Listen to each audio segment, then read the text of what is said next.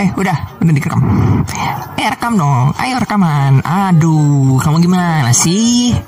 Ayo udah udah udah. Ah, nggak apa tutup aja Iya aku mau rekaman dulu. Iya ya Tutup dulu aja tutup. Ya Bismillahirrahmanirrahim Halo semuanya Kembali lagi bersama Rido Roti Di podcast yang gak jelas juga ya, ya Namanya juga podcast males Poles kaca. Podcast males keren, keren asik dan penuh cerita. Oke Eh, kalau, eh, Selamat datang juga teman-teman yang eh, nonton mendengarkan podcast atau nonton podcastnya di YouTube. Karena nanti di YouTube kepet- eh, sebagian besar mungkin podcastnya emang bener-bener podcast ya. Dan kalau teman-teman dengerin di YouTube kemungkinan besar bakalan ada suara-suaranya. Nggak tahu kalau di nanti di eh, Spotify atau mungkin sama sih teman nanti suaranya agak dikecilin lagi. Eh, ya nanti yang udah upload nanti ya udah nggak apa-apa. Oke. Uh, Oke, today uh, I will uh, discuss about something ya. Oke, sebenarnya uh, uh, teman-teman ini aku ngerekamnya tanggal 20 oh sorry tanggal 18 Juli 2020. Oke, dari 18 Juli 2020 ini eh, salah satu berita yang aku uh, aku ingin angkat dan sebenarnya akan ada uh, ke depannya itu adalah uh, beberapa bulan yang lalu ya tepatnya kalau nggak salah April atau Maret ya nggak salah lah ya Eh, salah satu eh, musisi salah satu gabungan musisi terkenal ya dan salah satunya nanti eh, teman-teman masih ngerti Eh, akhirnya membuat sebuah eh, single sebuah lagu yang bertajuk sebenarnya bertajuk bahasa eh, apa namanya bertajuk uh, bahasa apa bahasa Inggris yang campur bahasa Jawa. Kalau aku biasanya nyebutnya English Japanese dan this is the first English Japanese I have ever heard. Ya mungkin kalau mungkin sebelumnya ada sih aku pernah dengar apa mungkin aku pernah uh, ada lagu yang sejenis ini mungkin ya mohon maaf ya aku belum pernah denger karena ini aku yang baru pertama kali denger. Oke jadi yang definisinya adalah English Japanese artinya adalah uh, lagunya itu uh, sebagian besar kita, ditulis apa dinyanyikan dengan bahasa Inggris, but ada tengah-tengahnya ada Japanese-nya. Japanese itu uh, bahasa Jawanya. Ya rata-rata kebalikannya sih yang aku dengar. Bahkan uh, almarhum Didi, Kempot juga itu menggunakan Japanese English beberapa lagunya ya. Uh, dan ada juga yang uh, nggak Japanese English ya, tapi bener-bener literally dia uh, beliau menyanyikannya uh, Jav English apa Japanese tapi Englishnya nggak nggak jelas ada juga gitu. Ya dan beberapa lagu juga ada yang menggunakan bahasa ya itu tadi ya Japanese English nggak cuman almarhum Didit Kempot juga. Dan this is the best mungkin uh, salah satu yang terbaik di genrenya juga. Karena genrenya dia adalah elektronik. Nah sebut aja langsung ya udah kepanjangan ya namanya juga uh, Lat- Lati uh, karya dari Bad, Bad Genius dan di uh, fit Sarah Fu- Fujita. Dan beliau uh, Sarah Fujita ini aku per, aku udah baca beberapa artikelnya. Beliau ini uh, seorang penyanyi di dari dari asal asalnya dari Surabaya. Dan kebetulan banget uh, Ra- Sarah Fujita ini udah di uh, apa namanya udah diwawancari sama, sama salah satu gubernur di Indonesia. Namanya sebut aja Pak Ganjar. Aku nonton sepa- separuh sih nggak nggak semuanya. Nonton separuh aja. Dan Pak Ganjar seneng sih karena karena ya salah satu lagu yang mengambil budaya Jawa. Selain lagunya almarhum Didi Kempot dan uh, campur sari dan literally sekarang kalau sekarang kan ada Jenny Caknan uh, terus oh, ada lagi siapa ya? Lupa. Sering non dengerin di kantor kan ngerti kan? Ya itu maksudnya yang sekarang kan ada, Nela Karisma ada Via Valen maksudnya yang sekarang sekarang juga sama. Uh, literally menggunakan uh, lagu bahasa Jawa, Jawa dan ada beberapa yang lagu uh, Javanese Indonesian. Ada juga yang kebalikannya Indonesian Javanese tapi uh, pada saat ini ini uh, menurut aku benar-benar unik. Uniknya dalam artian emang itu tadi yang aku sebutin Javanese Eng- apa English Javanese pertama.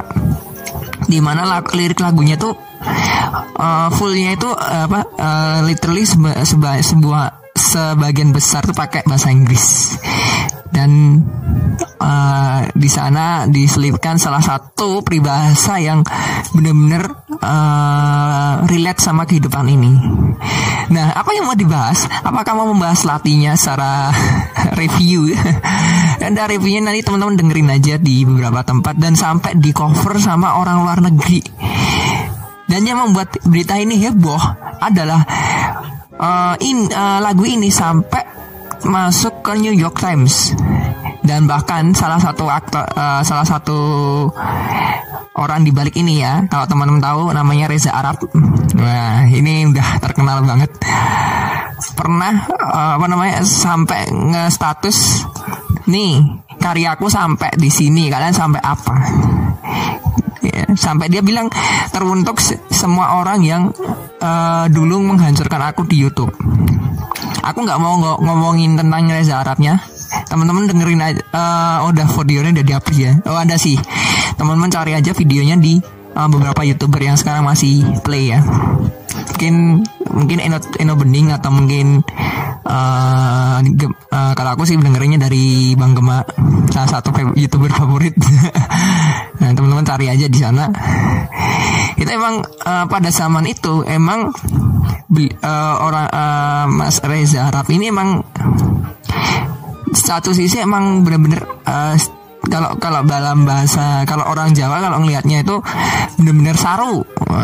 Bener ya omong omongannya kayak gitu maksudnya dalam artian kalau misalkan di Jawa apalagi kalau di tempat aku ya di Jawa Tengah ya wah itu itu lebih nggak lebih mm, benar-benar dicuci banget kalau secara uh, ininya benar-benar tampar banget kalau kalau dengerin kata-katanya itu. Tapi menurut aku loh ya andai kata dia ngomong seperti itu di teman-temannya di kalangannya itu nggak masalah itu itu yang membuat dia yang membuat Mas Reza Arab ini hancur karirnya di YouTube. Dan akhirnya dia memutuskan untuk menjual YouTube-nya bahkan menjual sampai mendonasikan YouTube-nya. Bayangin. Dan beberapa kali aku melihat uh, uh, beritanya dari dia ya. Ini salah satu uh, orang yang menurut aku adalah ini yang lebih apa namanya lebih mending daripada uh, kalian kalau kalian kalian yang pura-pura pura-pura baik benar serius. Mungkin dalam artian oke okay, di nanti di lagunya dia juga nyebutin di lagunya itu sebenarnya. Ajining diri ano eng lati. Mungkin dengan lagunya itu dia mungkin bakal berubah. Tapi salah satu hal yang membuat aku kagum adalah itu. Uh, apa namanya harga dirinya oh seseorang itu terletak di mulutnya. Termasuk podcast ini. Kalau podcast ini ngomongin orang lain terus gosip terus akhirnya ngejelek-jelekin orang lain ya sama aja. Ya itu sama. Ya sama. Ya ujung-ujungnya yang bikin podcast juga yang salah gitu. Maksudnya dalam artian ya itu ajining dirinya di seorang pembuat podcast itu seperti itu dan aku aku jujur aja aku juga pernah di posisinya Mas Mas Reza Arab di mana ya dulu itu sering ngomongin ngomong kasar bahkan. Cuman ngomong kasarnya ada teman sekelas. Itu sampai teman sekelas tuh pernah ngomong ke aku ya oh, Mas Rido ini gelarnya adalah uh, memiliki kata-kata kasar, kata-kata ya kalau dalam bahasa ininya kata-kata kasar ya kata-kata kotor yang paling banyak di, di kelas. Dulu dulu. Tapi kan nggak nggak terekspos saya Mas Reza Arab karena beliau public figure menurut orang-orang. Makanya banyak orang yang membenci dia dalam artian kok ngomongnya kayak gini kok ngomongnya kayak gini. Sebenarnya kalau menurut aku ngomong itu kalau dia nonton anak-anak pasti harus benar-benar di sharing disaring ya disaring sama sharing. Wah, omongannya pak. Salah satu orang ter uh, peng, uh, salah satu orang terkenal namanya Gus Nadir. Sharing eh, sharing sebelum sharing dan itu bener. Ya harus disaring. Dan share sharenya dalam artian uh, share uh, ini nggak baik buat diomongin. Dan sekarang itu itu hal-hal kayak gitu tuh yang hilang. Balik lagi ajining diri ono yang latih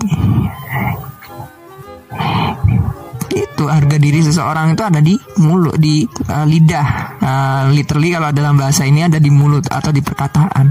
Lati itu dalam dalam bahasa Jawa itu lebih ke lidah. Tapi kalau secara makna itu langsung ke menuju ke perkata, perkataan. Ngobrolnya cara ngomongnya. Dan aku jujur aja kalau misalkan ngomong kalau memang bener-bener marah marah. Tapi aku nggak mungkin gampang marah. Karena apa? Karena itu tadi. Aku takut ya ke situ. Kata-katanya terus akhirnya kasar. Ya aku jujur aja aku kadang hanya uh, kadang keselnya juga di di situ di mana yang ngobrol sama siapa terus orang lain ngerecokin dan ngerecokinnya itu nggak nggak sesuai dengan uh, cerita. Itu udah bener-bener aku udah langsung aja aku ngomong aku nggak nggak istilahnya aku aku kurang lebih nggak sopan lagi gitu itu sering. Ya maksudnya dalam artian itu yang disebut. Dan makanya aku dengan kata-kata ini sebenarnya aku langsung membawa membawa pesan di sini deh ya itu adalah ya secara uh, kita harus benar-benar uh, ngobrolnya apa ngomongnya juga baik. Meskipun aku pernah mungkin teman-teman aku yang satu pernah satu jurusan sama aku mungkin pernah satu sekolah sama aku pernah satu kelas sama aku mungkin pernah deket dengan aku mungkin sama. Oh Ridho omongannya iya jujur itu emang zaman dulu. Tapi ketika kamu melihat pada saat zaman tersebut ya udah itu nanti ada podcastnya tersendiri tentang dimensi lah, ruang dan waktu. Bahwa manusia itu bakal berubah. Ya mungkin kalau pada saat itu aku ngomongnya kasar ya udah itu pada saat itu tapi pada akhirnya pada hakikatnya kasar atau enggak itu tergantung. Relatif juga. Ini aku bisa ngomong ini aku ngomong itu juga kasar sebenarnya. Tapi sebenarnya itu relatif. Jadi yang yang aku senang dari kata-kata ini adalah ketika kita mau berusaha untuk menjaga diri dari perkataan yang salah. Nah, bahasan ini sebenarnya ada salah satu dari Mas Arab Mas Reza Arab ini dia nggak dia langsung strike sama orang-orang sebenarnya salah salah dua orangnya adalah beberapa ulama. Kenapa? Karena mereka selalu melihat dari sebuah lagu itu dia mereka mereka itu cuma melihat visual. Kalau teman-teman lihat uh, video klipnya itu bener-bener itu satanik banget kan. Tapi sebenarnya itu nggak satanik, emang gitu. itu kalau teman-teman lihat video videonya ya video klipnya itu uh, literally sebenarnya seorang cewek yang akhirnya berubah menjadi uh, berubah menjadi gelap dan akhirnya yang awalnya dia itu jatuh cinta terus tapi jatuh cintanya ter istilahnya kayak bucin. Ternyata cowoknya kurang ajar dan akhirnya dia jadi jahat. Dan itu eh, beberapa ulama ngomong itu salah satu uh, bahkan ada kan ada challenge-nya juga kan. Nah itu yang bikin para ulama-ulama ini kebakaran. Dua dia dua orang ini sih yang aku lihat ya. Langsung aja straight to the mereka juga melihatnya cuma cuma sepintas itu aja. Sepintas challenge-nya. Dan mereka langsung ngomong ini namanya ritual penyembahan setan. Terus aku langsung bales itu emang kayak gitu bukan masalah ritualnya. Ritualnya beda lagi. Teman-teman cari aja di sana. Itu sebenarnya kalau uh, dalam seni itu ada sebuah perwujudan. Bukan lagi sebuah ritual.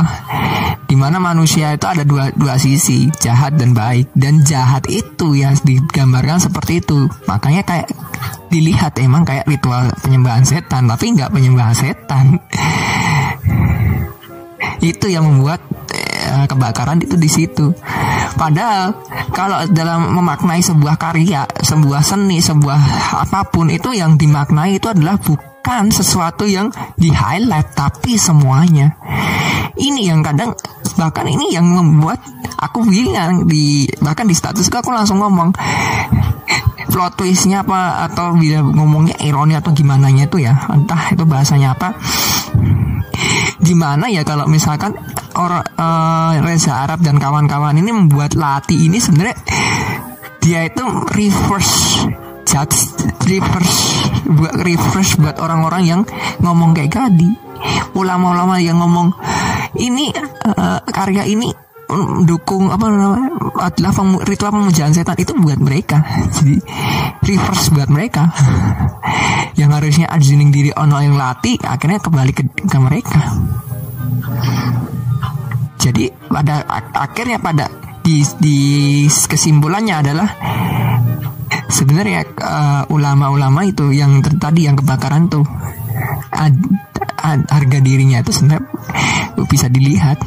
Dan mohon maaf buruk. Padahal mereka ulama. Dan aku jujur aja langsung aja. Beberapa ulama nggak nggak semuanya tuh bisa menaf- men- memaknai sebuah seni. Mereka hanya aku jujur langsung ya beberapa itu hanya menerapkan teori. Prakteknya jarang.